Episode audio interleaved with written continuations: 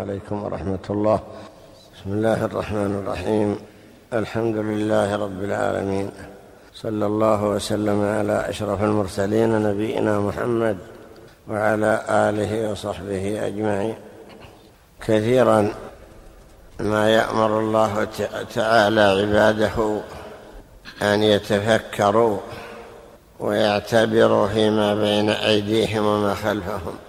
ليأخذوا آية ودلالة على قدرة ربهم الذي خلقهم من عدم والذي خلق لهم هذه المخلوقات. لما نزل قول الله تعالى وإلهكم إله واحد لا إله إلا هو الرحمن الرحيم قال المشركون وما آية ذلك؟ أي ما الدلالة على أنه إله واحد؟ أنزل الله الآية بعدها. إن في خلق السماوات والأرض واختلاف الليل والنهار وما أنزل الله من السماء من ماء فأحيا به الأرض بعد موتها. وبث فيها من كل دابة وتصريف الرياح والسحاب المسخر بين السماء والأرض لآيات لقوم يعقلون. فإن هذا هذه الآيات آيات ودلالات لقوم يعقلون. ولا ولا يعتبر بها إلا أهل العقول الزكية يتأملون ويتعقلون ويعتبرون في خلق هذه السماء وخلق هذه الأرض واختلاف الليل والنهار وما أنزل الله من السماء من ماء فأحيا به الأرض بعد موتها. وبث فيها من كل دابة وتصريف الرياح والسحاب المسخر بين السماء والأرض كلها آيات وعبر ودلالات شاهدة بعظمة من أوجدها ومن خلقها. أقرب شيء إلى الإنسان هذه الأرض وما خلق الله تعالى فيها. إذا اعتبر فيها وتفكر استدل بذلك على عظمة الله سبحانه وعلى كمال قدرته ولكن أكثر الناس لا يعقلون. الذين لا يعقلون ولا يتأملون ولا يتفكرون ولا يتذكرون ولا يعتبرون هؤلاء بلا شك اشبه بالبهائم حيث أنهم لم يتفكروا فيما خلقوا له ولم يعرفوا الحكمة التي خلقوا لها حيث لم ينظروا فيما ما بين أيديهم وما خلفهم. ولو عرفوا ولو علموا لعرفوا أنهم ما خلقوا عبثا وأن الذي خلقهم لا بد أن له عليهم حقوق عظيمة فلا يسعدون إلا بأدائها كلها. فإذا اتبعوا أهواءهم وشهواتهم وأكبوا على ما تميل إليه نفوسهم وأشبعوا غرائزهم وبطونهم وفروجهم وجعلوا ذلك هو أكبر ما يهتمون به لم يلتفتوا إلى ما بين أيديهم وما خلفهم ولم ينظروا في ملكوت السماوات والأرض ولم يتأملوا ولم يتعقلوا فأصبحوا بذلك كالبهائم التي ما خلق الله لها عقولا تفكر فيه إنما جعل لها شهوة تعيش بها. تأكل من يابس أو رطب هذا النبات وتتوالد وليس لها تفكير ولا نظر فهكذا من لم يتأمل ولم يتفكر ولم يتعقل فيما خلق له هو مثل البهائم وقد يكون أقل حالة من البهائم. نعرف أن الله سبحانه يلفت أنظار عباده إلى المخلوقات العلوية والسفلية فيأمرهم بأن يتفكروا في هذه المخلوقات ويعتبروا فيها. قال الله تعالى إن ربكم الله الذي خلق السماوات والأرض في ستة أيام. الرب هو المربي وهو المالك. أمرهم بأن يستدلوا على أنه ربهم بخلقه لهذه المخلوقات العلوية والسفلية. فإذا تأملوا فيها عرفوا أنه ربهم وأنه الذي يملكهم ويتصرف فيهم. خلق السماوات والأرض يعني أنشأها وابتدأ خلقها دون أن يتخذ معه أعوانا أو شركاء. خلقها كما يشاء. ذكر الله تعالى أنه خلق سبع سماوات طباقا. يقول الله تعالى ولقد زينا السماء الدنيا. هو الذي خلق سبع سماوات طباقا. ما ترى في خلق الرحمن من تفاوت؟ فارجع البصر هل ترى من فطور؟ يعني انظر في هذه السماء التي فوقنا هل تجد فيها تشققا أو تفطرا؟ تجد أن الله أحكمها عندما خلقها وجعلها طباقا أي طبقة بعد طبقة. أحكمها وجعلها بهذا الخلق أي سماء فوق سماء إلى سبع. كما شاء سبع سماوات طبقة بعد طبقة أي سماء فوق سماء. ما ترى في خلق الرحمن من تفاوت؟ اي اختلال لا تجد فيها عيبا ولا خللا. هذا شاهد على أنه سبحانه خلقها سبع سماوات. وقد مر بنا أن بعد ما بيننا وبين السماء الدنيا مسيرة خمسمائة سنة. من الذي يحصيها؟ حددها الله تعالى وأطلع نبيه على هذه المسافة. وكذلك ورد أن ضخامة وكثف هذه السماء وعرضها أو غلظها. كذلك مسيرة خمسمائة سنة. وهكذا السماوات كل سماء بهذه المسافة. ومع ذلك خلقها الله تعالى كما شاء. قال بعض المؤرخين والفلكيين إن الله خلقها من مادة البخار. أمر البحار أن تتبخر. فكان بخارها لما تجمد كانت منه هذه الأفلاك العلوية هذه السماوات. وما ثم رسب منه ما ترسب من ذلك الماء المتجمد فخلق منه هذه الأرض وما عليها.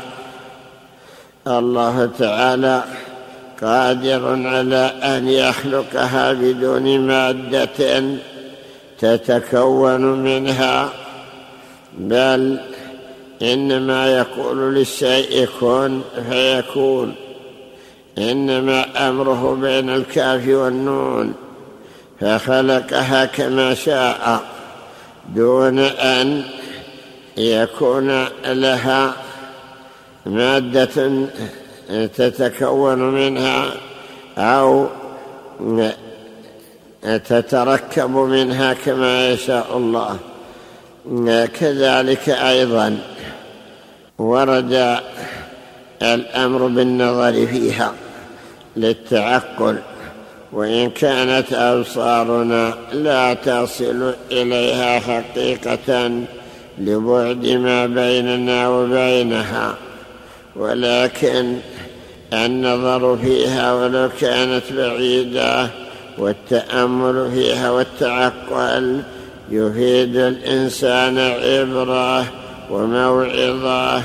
ولذلك قال تعالى أفلم ينظروا إلى السماء فوقهم كيف بنيناها وزيناها وما لها من فروج ينظر إليها بعقولهم ويتفكر ويعترف بما أخبرهم الله به وبما أمرهم به. أنه خلقها. كيف بنيناها وزيناها وما لها من فروج أخبر بأنها مبنية أي بناها الله تعالى. ثم أخبر أيضا بأنه رفع سمكها. يقول تعالى أأنتم أشد خلقا أم السماء بناها؟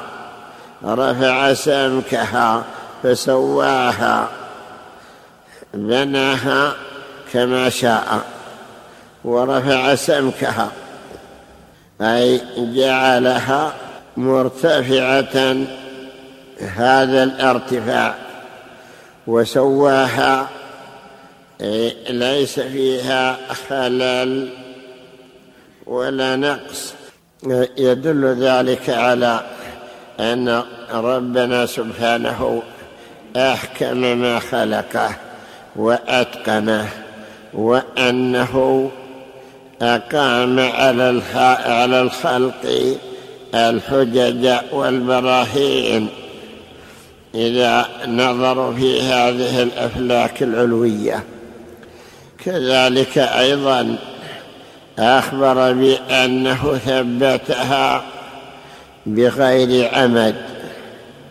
يقول الله تعالى خلق السماوات بغير عمد ترونها. أي ليس هناك عمد تمسكها. السقف المرتفع يحتاج إلى ما يمسكه. لو سقطت هذه العمد من هذا البيت من هذا المسجد لسقط السقف. لأنها التي تمسكه ومع سعة السماء ومع قوة ارتفاعها أمسكها الله تعالى بقدرته وبقوته ولم يحتاج إلى عمد تمسكها بل رفع سمكها فسواها. لا شك أن هذا دليل على عظمة الخالق سبحانه كيف رفعها بهذا الارتفاع وكيف أمسكها بقوته وبكمال قدرته مع سعتها. يقول الله تعالى والسماء بنيناها بأيد الأيد هو القوة. يعني بنيناها بأيد ليس هو جمع يدي ليس بأيدي. الأيد هو القوة. أي بنيناها بقوة والدليل قول الله تعالى عن داود واذكر عبدنا داود ذا الأيد أي صاحب الأيد وليس الأيد اليدان وإنما أراد صاحب القوة في أمر الله فهكذا أخبر بأنه بناها بقوة وبقدرة وبقوله كن فكانت كما شاء. وأخبر أيضا بأنه زينها. قال تعالى ولقد زينا السماء الدنيا بمصابيح زينا السماء الدنيا بمصابيح وجعلناها رجوما للشياطين. هذه المصابيح هي النجوم النجوم التي ركبها في هذه السماء الدنيا. وسيرها كما شاءت في أفلاكها. تسير كما يشاء الله. وزينا قد زينا السماء الدنيا بمصابيح. أي بهذه النجوم. جعلها كالسرج. المصابيح هي السرج التي تضيء الظلام فهي تضيء لأهل الأرض ويهتدون بها وجعل فيها منافع لهم. قال الله تعالى وهو الذي جعل لكم النجوم لتهتدوا بها في ظلمات البر والبحر. النجوم مركبة في أفلاكها وسائرة كما يشاء الله وسائرها يتفاوت بعضها أسرع سيرا من بعض وكلها تطلع وتغيب كما يشاء. وبعضها لا يغيب بل ثابت كالقطب ثابت في موضعه لا يتحرك إلا قليلا. وكذلك أيضا بعضها يكون سيرها أسرع من سير الشمس وبعضها يسرع في اول ما تطلع كالزهرة وعطارد والمشتري ونحوها. ثم تتأخر شيئا فشيئا إلى أن تغيب في المشرق. لا شك أن هذا حكمة من الله حيث جعلها بهذه الكيفية أي أحكمها. فنعتبر بذلك ونعرف أن الذي خلقها هو خالق كل شيء وهو رب كل شيء وهو مالك الملك وهو ذو الجلال والإكرام وهو الذي يستحق أن يعبد. كذلك أيضا من آياته هذه الأرض التي بسطها للأنام. قال الله تعالى قال تعالى والأرض بعد ذلك دحاها أخرج منها ماءها ومرعاها والجبال أرساها أخبر بأنه دحاها وأخبر بأنها بسطت وإلى الأرض كيف سطحت أي صارت مسطحة مستوية. ومع ذلك جعلها فراشا فراشا للإنسان يتقلب فيها الذي جعل لكم الأرض فراشا. وجعلها بساطا. ألم تروا كيف خلق الله سبع سماوات طباقا؟ وجعل القمر فيهن نورا. وجعل الشمس سراجا. هذه آيات يذكر الله بها عباده. والله جعل لكم الأرض بساطا لتسلكوا منها سبلا فجاجا. السبل الطرق أي تسلكوا طرقا بين هذا وهذا. هذه آياته التي أمر بأن يعتبر الناس بها. يقول الله تعالى ومن آياته خلق السماوات والأرض وما بث فيهما من دابة. خلق السماوات وخلق الأرض وما بث في الأرض التي تشاهدونها من الدواب التي تنتشر فيها لا يعلم عددها إلا الله تعالى. وقد أعطى كل شيء خلقه ثم هدى و ضمن لكل منها قوته ورزقه الذي يكون سببا في وجوده وفي حياته كما يشاء. فإذا اعتبر العباد وتفكروا عرفوا بذلك قدرة من أوجد هذه الموجودات وأحكمها. ويكون من نتيجة ذلك إخلاص العبادة له.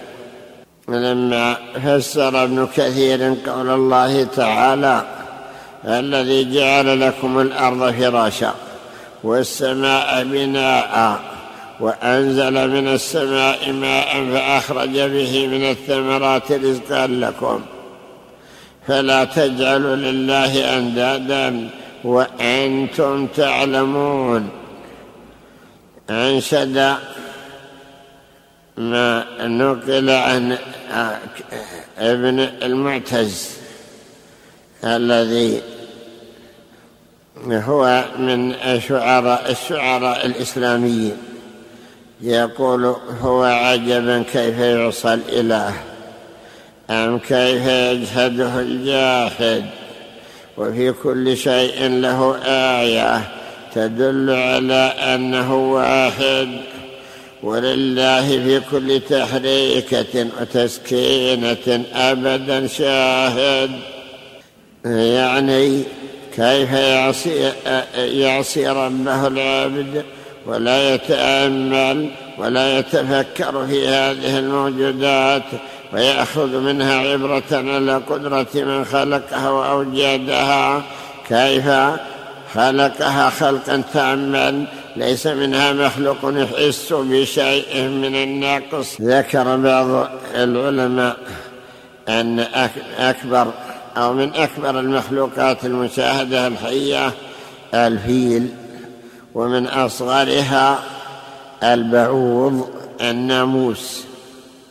وأن خلقة هذه الناموسة على خلقة الفيل الفيل له هذا الخرطوم الذي يمده. يمده نحو مترين أو قد يكون مترا ونصفا. ثم يلويه على ما يريده ويتنفس معه. قد يمتص معه. فهو آلته التي خلقت له. البعوض له هذا الخرطوم. خرطوم كخرطوم الفيل إذا نظرت إليه بالمجهر وجدت أن هذا الخرطوم هو سلاحه وجعل الله تعالى له قوة البصر مع صغر هذه البعوضة. بصره أحد من بصرنا بحيث أنه إذا نظر في بشرة الإنسان علم المكان الرقيق رأى المكان الرقيق الذي تسمى الأماكن التي تسمى المسام التي يخرج منها العرق فيقع عليها ثم يضربها بمنقاره هذا الذي هو مثل الخرطوم للفيل محدد ثم يمتص من الدم. ولذلك جعلها الله تعالى من آياته. قال تعالى إن الله لا يستحي أن يضرب مثلا مع بعوضة فما فوقها.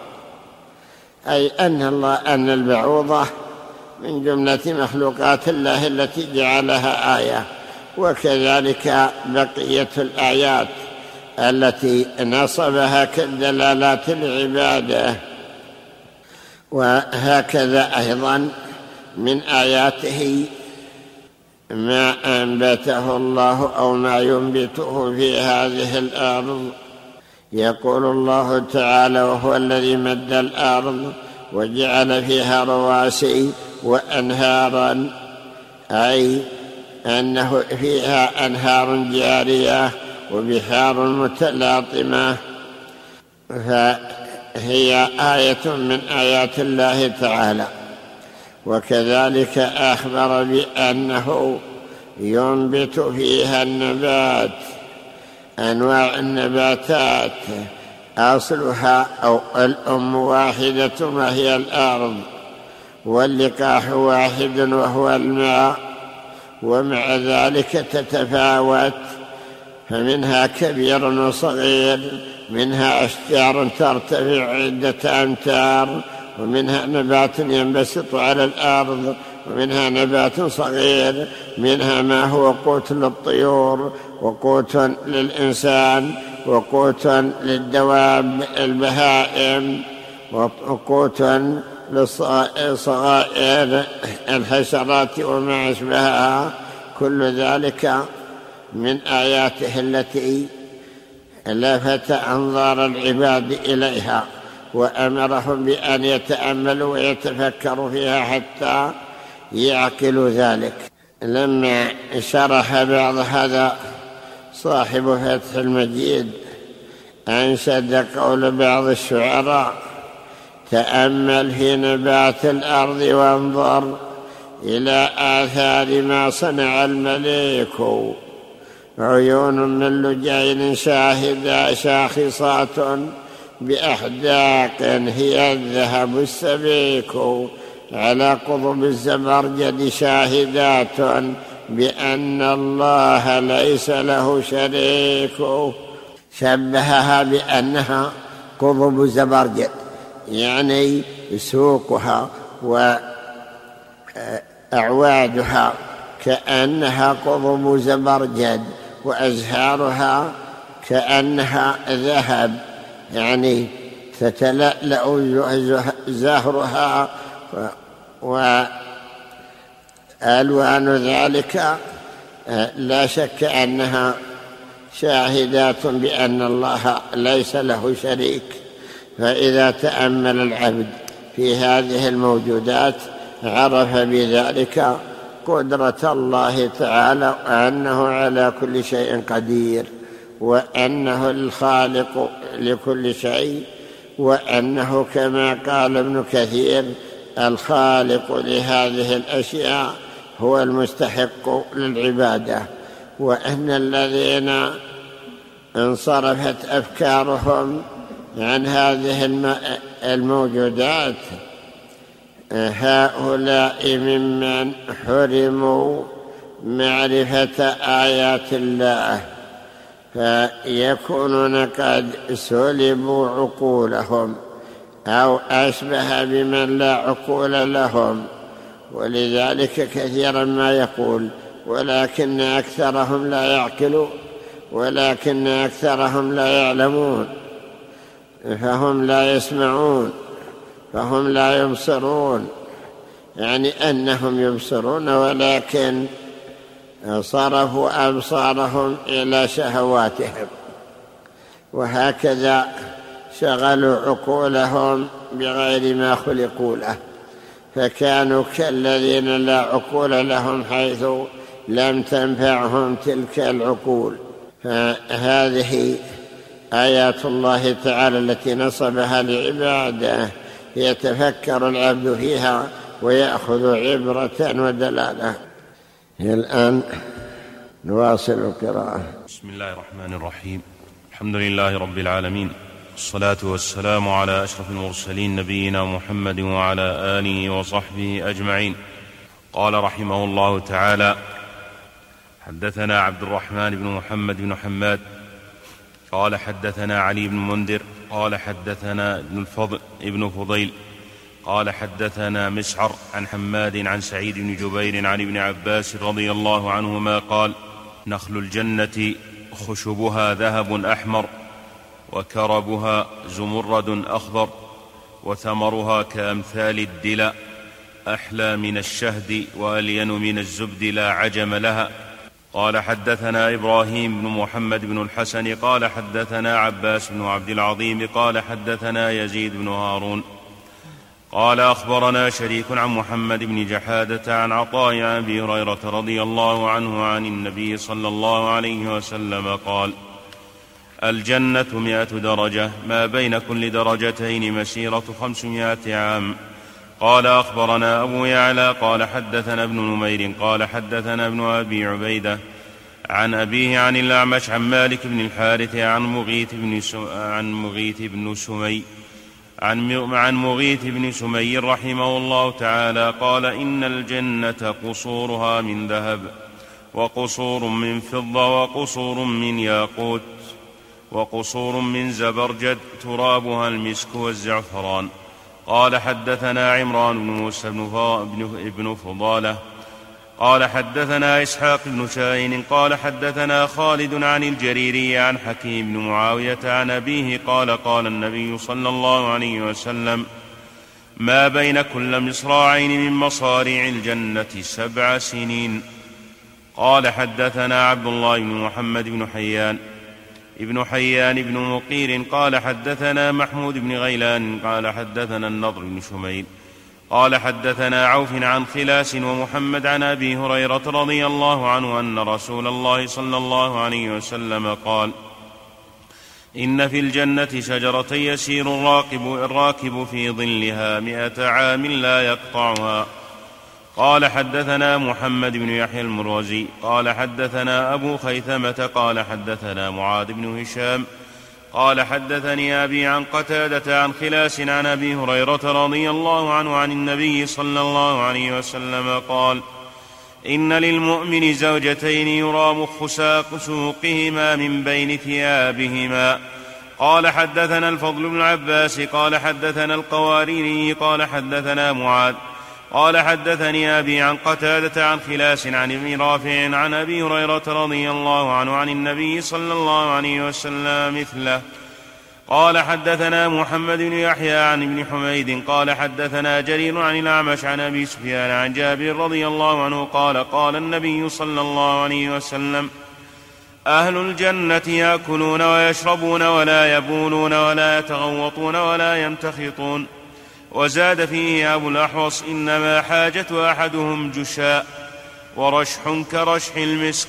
قال حدثنا عبد الله بن أبي داود قال, حد عن قال حدثنا محمود بن خالد وعباس الخلال. قال حدثنا عمر بن عبد الواحد قال حدثنا الأوزاعي عن هارون بن ياب عن أنس بن مالك رضي الله عنه قال قال رسول الله صلى الله عليه وسلم يبعث أهل الجنة يوم القيامة في صورة آدم جرد مرد مكحلين أبناء ثلاثين ثم يؤتى بهم شجرة في الجنة فيكسون منها لا تبلى ثيابهم ولا يفنى شبابهم. قال حدثنا أبو بكر البزار قال حدثنا محمد بن موسى القطان قال حدثنا معل بن عبد الرحمن قال حدثنا شريك عن عاصم الأحول عن أبي المتوكل عن أبي سعيد رضي الله عنه قال قال رسول الله صلى الله عليه وسلم أهل الجنة إذا جامعوا نساءهم عادوا أبكارا. قال حدثنا محمود بن محمد الواسطي قال حدثنا هناد بن السري قال حدثنا عبيدة بن حميد عن عطاء بن السائب عن عمرو بن ميمون عن عبد الله رضي الله عنه عن النبي صلى الله عليه وسلم قال إن المرأة من أهل الجنة ليرى بياض ساقها من وراء سبعين حلة من وراء سبعين حلة من حرير ومخوى. وذلك لأن الله عز وجل يقول كأنهن الياقوت والمرجان فأما الياقوت فإنه حجر لو أدخلت فيه سلكا لرأيته من ورائه. قال حدثنا محمود الواسطي قال حدثنا أبو هشام عن معاذ بن هشام قال حدثني أبي عن عامر الأحول عن أبي الصديق عن أبي سعيد رضي الله عنه عن النبي صلى الله عليه وسلم قال إن المؤمن إذا اشتهى الولد في الجنة كان حمله وسنه ووضعه كما يشتهي. قال حدثنا يوسف بن يعقوب النسابوري قال حدثنا عبد الله بن محمد بن الحجاج الصواف قال حدثنا معاذ بن هشام قال حدثني أبي عن عامر الأحول عن قتادة عن أبي الصديق عن النبي صلى الله عليه وسلم مثله. قال حدثنا إبراهيم بن محمد بن الحسن قال حدثنا مشرف بن أبان قال حدث قال حدثنا إسحاق بن عيسى عن محمد بن أبي حميد عن موسى بن وردان عن أبي هريرة رضي الله عنه عن عن رسول الله صلى الله عليه وسلم قال إن في الجنة لعمودا من ذهب عليه مدائن من زبرجد يضيء لأهل الجنة كما يضيء الكوكب الدري في جو السماء. قيل يا رسول الله لمن هذا؟ قال للمتحابين في الله تعالى. قال حدثنا إبراهيم بن محمد بن الحسن قال حدثنا إسحاق بن حاتم. ابن حاتم المدائني قال حدثنا عبد المجيد بن أبي رواد عن أبيه قال قال حدثني من من أصدق عن زيد بن علي عن أبيه عن أبي عن ابن أبي طالب رضي الله عنه. عن رسول الله صلى الله عليه وسلم قال إن في الجنة شجرة تخرج من أعلاها الحلل ومن أسفلها خيل بلق من خيل بلق من ذهب مسرجة ملجمة بالدر والياقوت. ذو أجنحة لا تروث ولا تبول يركبها أولياء الله تعالى فتطير بهم في الجنة حيث شاءوا. فيقول الذين أسفل منهم منزلة يا رب ما بلغ هؤلاء منازل هذه الكرامة؟ فيقول ما بلغ هؤلاء منازل هذه الكرامة؟ فيقول إنهم كانوا يصلون وتنامون ويصومون وكنتم تأكلون. وكانوا ينفقون وكنتم تبخلون ويقاتلون وكنتم تجبنون. قال أخبرنا عبد الرحمن بن محمد بن حماد قال حدثنا علي بن المنذر قال حدثنا ابن فضيل عن ليث عن عبد الرحمن بن سابق قال إن الرجل من أهل الجنة ليزوج خمسمائة حوراء وأربعمائة بكر وثمانية آلاف ثيب ما منهم واحدة إلا يعانقها عمر الدنيا كلها. لا يأجم واحد منهما من صاحبه وإنه لتوضع مائدته في فما تنقضي منها فما تنقضي منها نهمته عمر الدنيا كله وإنه ليأتيه الملك بتحية من ربه عز وجل وبين أصبعيه مائة أو سبعون حلة فيقول ما أتاني من ربي شيئا أعجب إلي من هذه ما أتاني من ربي شيئا أعجب من هذا إلي من هذه فيقول أيعجبك هذا؟ قال نعم. قال فيقول الملك لأدنى شجرة يا شجرة كوني فلان منها كوني لفلان من هذا ما اشتهت نفسه. قال حدثنا أحمد بن الحسن قال ابن عبد الجبار قال حدثنا علي بن العجاج قال حدثنا فضيل بن مرزوق عن عطية العوفي عن أبي سعيد الخدري رضي الله عنه قال قال رسول الله صلى الله عليه وسلم إن أول زمرة تدخل الجنة يوم القيامة صورة وجوه مثل صورة القمر ليلة البدر والزم والزمرة الثانية على أحسن على أحسن كوكب دري في السماء لكل رجل زوجتان على كل زوجة سبعون حلة. سبعون حلة يرى مخ ساق سوقهما من وراء لحومهما ودماؤهما وحللهما.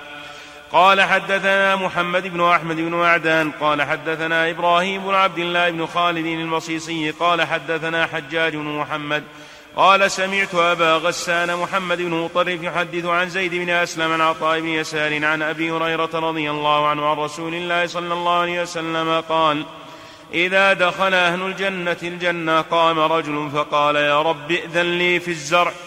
فقال الله هذه الجنة كل منها حيث شئت. فقال يا رب ائذن لي في الزرع فأذن له فيبذر حبة فلا يلتفت حتى تعود كل سنبلة طولها ثنتي عشرة ذراعا. ثم لا يبرح مكانه حتى يكون منه يكون منه ركام أمثال الجبال. فقال اعرابي يا رسول الله لا تجد هذا الرجل إلا قرشيا أو انصاريا فضحك النبي صلى الله عليه وسلم.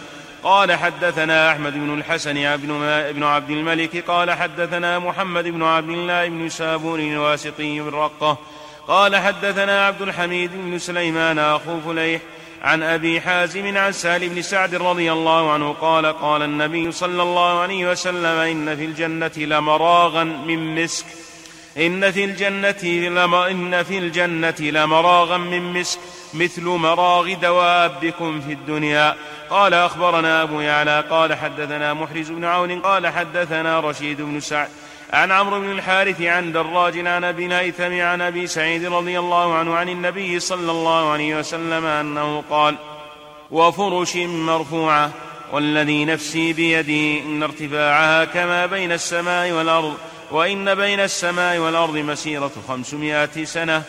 قال حدثنا محمد بن طاهر بن أبي الدميك قال حدثنا عبيد العيشي قال حدثنا إبراهيم محمد بن الحارث قال حدثنا عبيد الله العيشي قال وحدثنا إبراهيم بن محمد بن الحارث قال حدثنا هدبة قال حدثنا حماد عن علي بن زيد عن سعيد بن المسيب عن أبي هريرة رضي الله عنه أن رسول الله صلى الله عليه وسلم قال يدخل أهل الجنة الجنة جردا مردا بيضا جعادا مكحلين أبناء ثلاث وثلاثين على خلق آدم طول ستين ذراعا وفي عرض سبع, في عرض سبع أذرع. قال حدثنا بشر بن أبي السري قال حدثنا أحمد بن حفص قال حدثنا أبي عن إبراهيم بن طهمان عن موسى بن عقبة عن صفوان بن سليم عن عطاء بن يسار عن أبي هريرة رضي الله تعالى عنه قال قال رسول الله صلى الله عليه وسلم إن مقعد أحدكم من الجنة أن يقال له تمن فيتمن فيقال له هل تمنيت؟ فيقول نعم. فيقال فلك ما تمنيت ومثله معه. قال حدثنا بشر قال حدثنا أحمد بن حفص قال حدثنا أبي عن إبراهيم بن طهمان عن موسى بن عقبة عن مطرف عن أبي رافع عن أبي هريرة رضي الله عنه عن رسول الله صلى الله عليه وسلم أنه قال إنه لا يرى مخ ساقها من وراء الحلل وإن عليها سبعين حلة. قال حدثنا محمد بن إسحاق بن الوليد قال حدثنا عبد الله بن عمر ابن عمر قال حدثنا أبو قتيبة قال حدثنا ابن عيينة عن أبي عن ابن أبي نجيح عن الزب عن الزبير بن موسى عن الزبير بن موسى عن أبيه عن جابر رضي الله عنه قال سئل النبي صلى الله عليه وسلم عن أرض الجنة فقال خبزة بيضاء. قال أخبرنا عبد الرحمن بن محمد بن حماد قال حدثنا علي بن المنذر قال حدثنا عبيد الله عن إسرائيل عن أبي إسحاق عن عمرو عن عمرو بن ميمون عن عبد الله رضي الله عنه في قوله تعالى يوم تبدل الأرض غير الأرض قال أرض بيضاء كأنها فضة لم يعص الله تعالى عليها ولم يسفك عليها دم حرام. في هذه الأحاديث والآثار منها ما هو ثابت صحيح ومنها ما تساهل فيها الرواة كالأحاديث التي فيها ثواب وفيها فضل في فضائل الأعمال فالعادة أنهم يتساهلون فيها وأن أكثرها مما يحدث به القصاص يراقبون الناس الذين يستمعون إليهم حتى ينصتوا لمواعظهم ويكثر الذين يخشعون ويبكون عندما يسمعون هذه المواعظ وهذه وهذا الثواب. الذي يترتب على أعمال الإنسان الأعمال الصالحة في الدار الآخرة. والأصل أن الأعمال الصالحة جعل الله تعالى ثوابها ثوابها في الجنة كرامة الله تعالى لأهله. أخبر تعالى بأنه أعد الجنة لمن أطاعه. قال الله تعالى وأزلفت الجنة للمتقين وبرزت الجحيم للغاوين. فالجنة دار كرامة ثوابا للمتقين. فهذه الدار التي هي دار الثواب لا بد أن فيها ما يحفز النفوس ويبعث الهمم على طلبها ولا تحصل إلا لمن عمل عملا صالحا. والعمل الصالح يكون في هذه الحياة الدنيا. مدة هذا العمر هي التي يغتنمها العبد ويقدم ثمنا للدار الآخرة ثمنا للجنة. ولذلك يذكر الله في القرآن هذا الثواب الذي هو الجنة. كما في قوله تعالى في جنة عالية قطوفها دانية. يقال لهم كلوا واشربوا هنيئا بما أسلفتم في الأيام الخالية أي بما قدمتم من الأعمال الصالحة في الأعمال في الأيام التي مضت أي في حياتكم الدنيا. ما ورد فيها من الثواب لا شك أنه يعتبر ترغيبا لمن يعمل الأعمال الصالحة. يراغب الله في الثواب وفي هذه هذا الأجر حتى يتسابق الناس. ولذلك يقول الله تعالى وفي ذلك فليتنافس المتنافسون. لما ذكر ثوابهم إن الأبرار لفي نعيم على الأرائك ينظرون.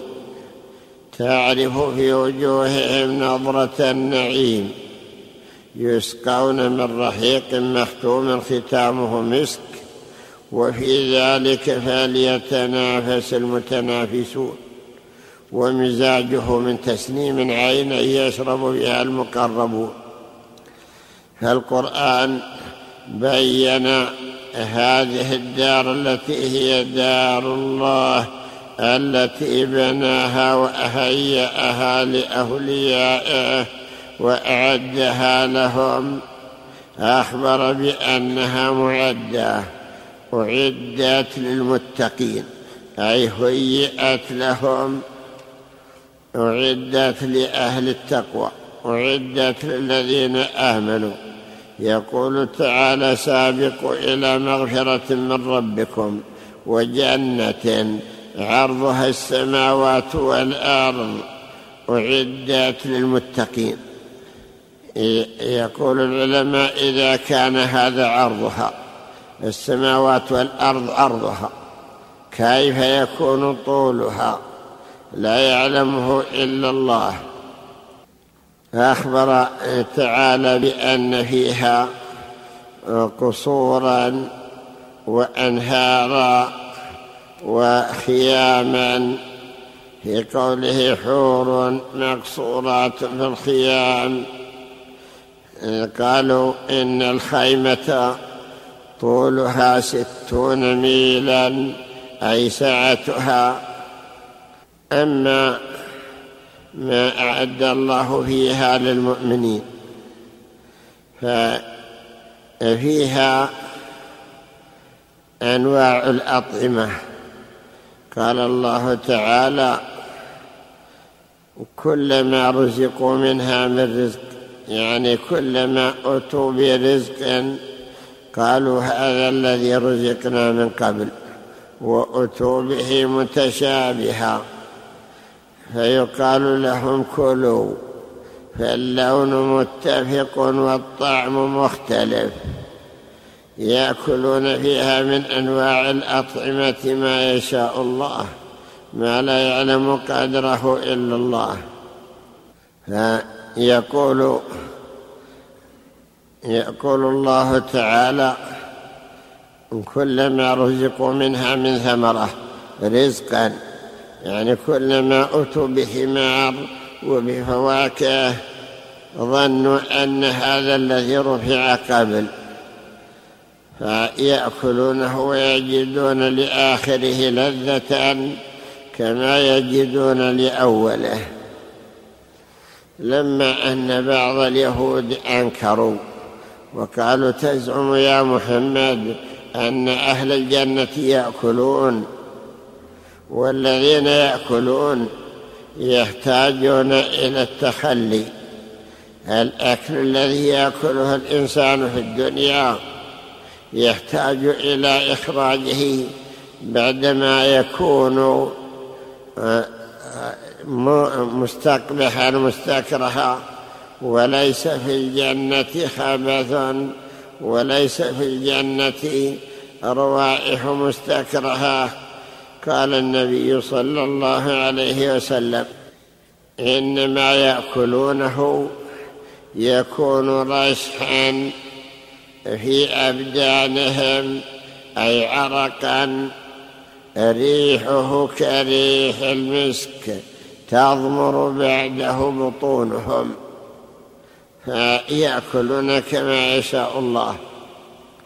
ورد في أن أهل الجنة لا أنهم لا يبولون ولا يتغوطون ولا يمتخطون وأن أنه لا ليس نساؤهم لا تحيض لا يعتريها دم طمث ولا دم نفاس ولا غيرها. واختلفوا هل يكون فيها توالد؟ والمشهور أنه ليس هناك توالد. وما ورد من الحديث الذي سمعنا أن الرجل من أهل الجنة يشتهي الولد. فيكون حمله ووضعه ونموه وشبابه في ساعة أو ساعات قليلة. هذا قد يكون مثالا وإلا فالأصل أنه ليس هناك مني ولا منية الوطء الذي يتمتعون به لزوجاتهم إنما هو لأجل الشهوة واللذة التي يلتذ بها الإنسان. فأكلهم لأجل التلذذ وكذلك وطئهم لزوجاتهم من الحور العين ومن نساء الدنيا. إنما هو لأجل قضاء الشهوة والتلذذ بها بذلك لا أن هناك بني ولا أن هناك توالد. هذا هو المشهور. ترغيب المؤمنين أو ترغيب أهل الدنيا لأنهم في هذه الدنيا يعرفون أن من لذة الدنيا التمتع بالشهوات مثل شهوة الوطء والاستمتاع فأعطوا في الجنة مثل هذه الشهوة وجعل لهم زوجات زوجات من الحور العين ومن نساء الدنيا. ورد كما سمعنا أن أحدهم تكون زوجته يكون له زوجة وأن عليها سبعون حلة. أي لباس من أنواع الحرير والديباج والاستبرق ونحوه.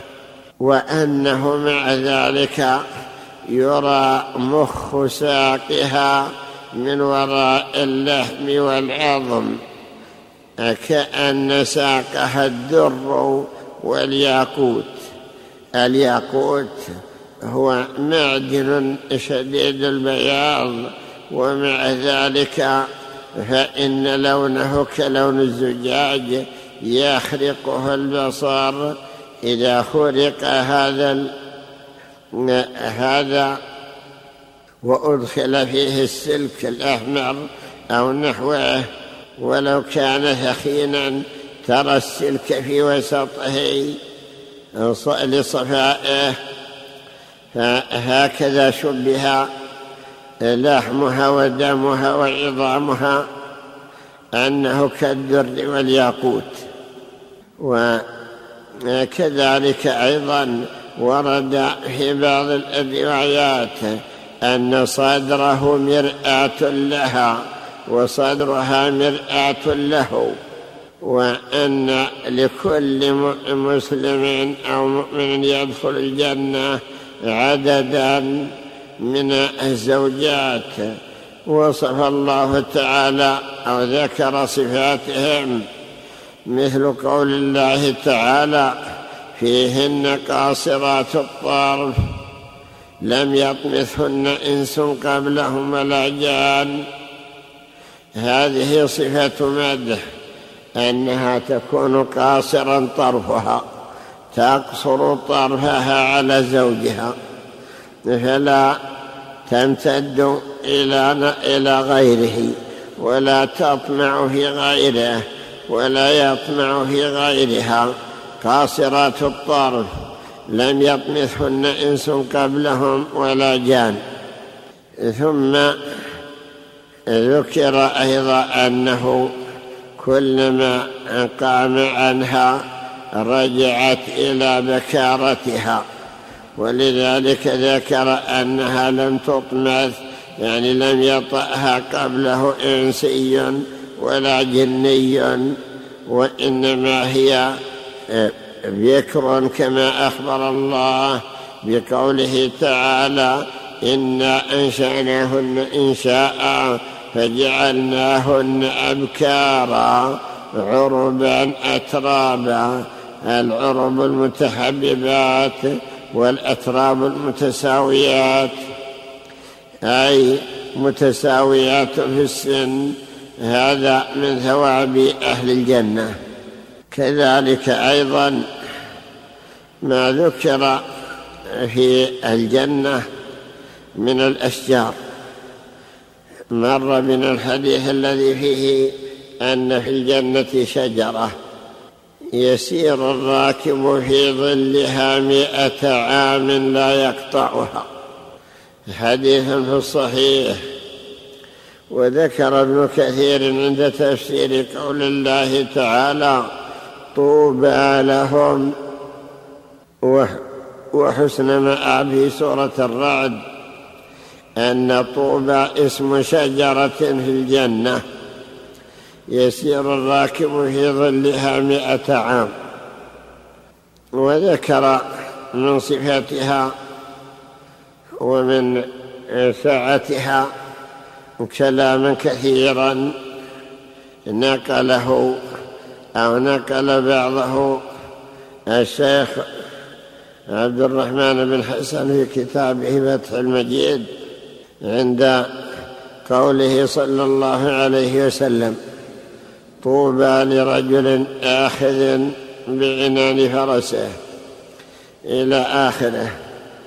فهذا أيضا مما في الجنة هذا الشجر. ورد في بعض الأحاديث أنه يستخرج من سوقها حلل وأكسية من حرير ومن ديباج ومن استبرق. وقد ذكر الله أن هذا أيضا أنه من ثواب أهل الجنة. في قول الله تعالى أولئك لهم جنات تجري من تحتها الأنهار. وذكر أنهم يحلون فيها من أساور من ذهب. ولؤلؤا ولباسهم فيها حرير وأنه يطوف عليهم ولدان مخلدون بأكواب وأباريق وكأس من معين لا يصدعون عنها ولا ينزفون وفاكهة مما يتخيرون. وذكر أيضا أنه يطاف عليهم بآنية من فضة وأكواب. كانت قوارير قوارير من فضة قدروها تقديرا وغير ذلك من الأدلة التي يتبين منها عظم هذا الثواب دار كرامة الله تعالى. هناك من يكذب بوجود الجنة الآن ويقول كيف تخلق قبل أن يخلق أهلها؟ أو قبل أن يتم خلقهم خلقها وبقاؤها مغلقة هذا من العبث. ولكن الله تعالى قد ذكر أنها موجودة. والنبي صلى الله عليه وسلم قد ذكر أنه دخلها. يعني إما في الرؤيا وإما في الإسراء. وأنه رأى فيها كذا وكذا من القصور وأنه رأى آه، آه، فيها من الثواب لفلان وفلان مما يدل على أن الجنة موجودة الآن. فنؤمن بذلك ونصدق بما أخبر الله به.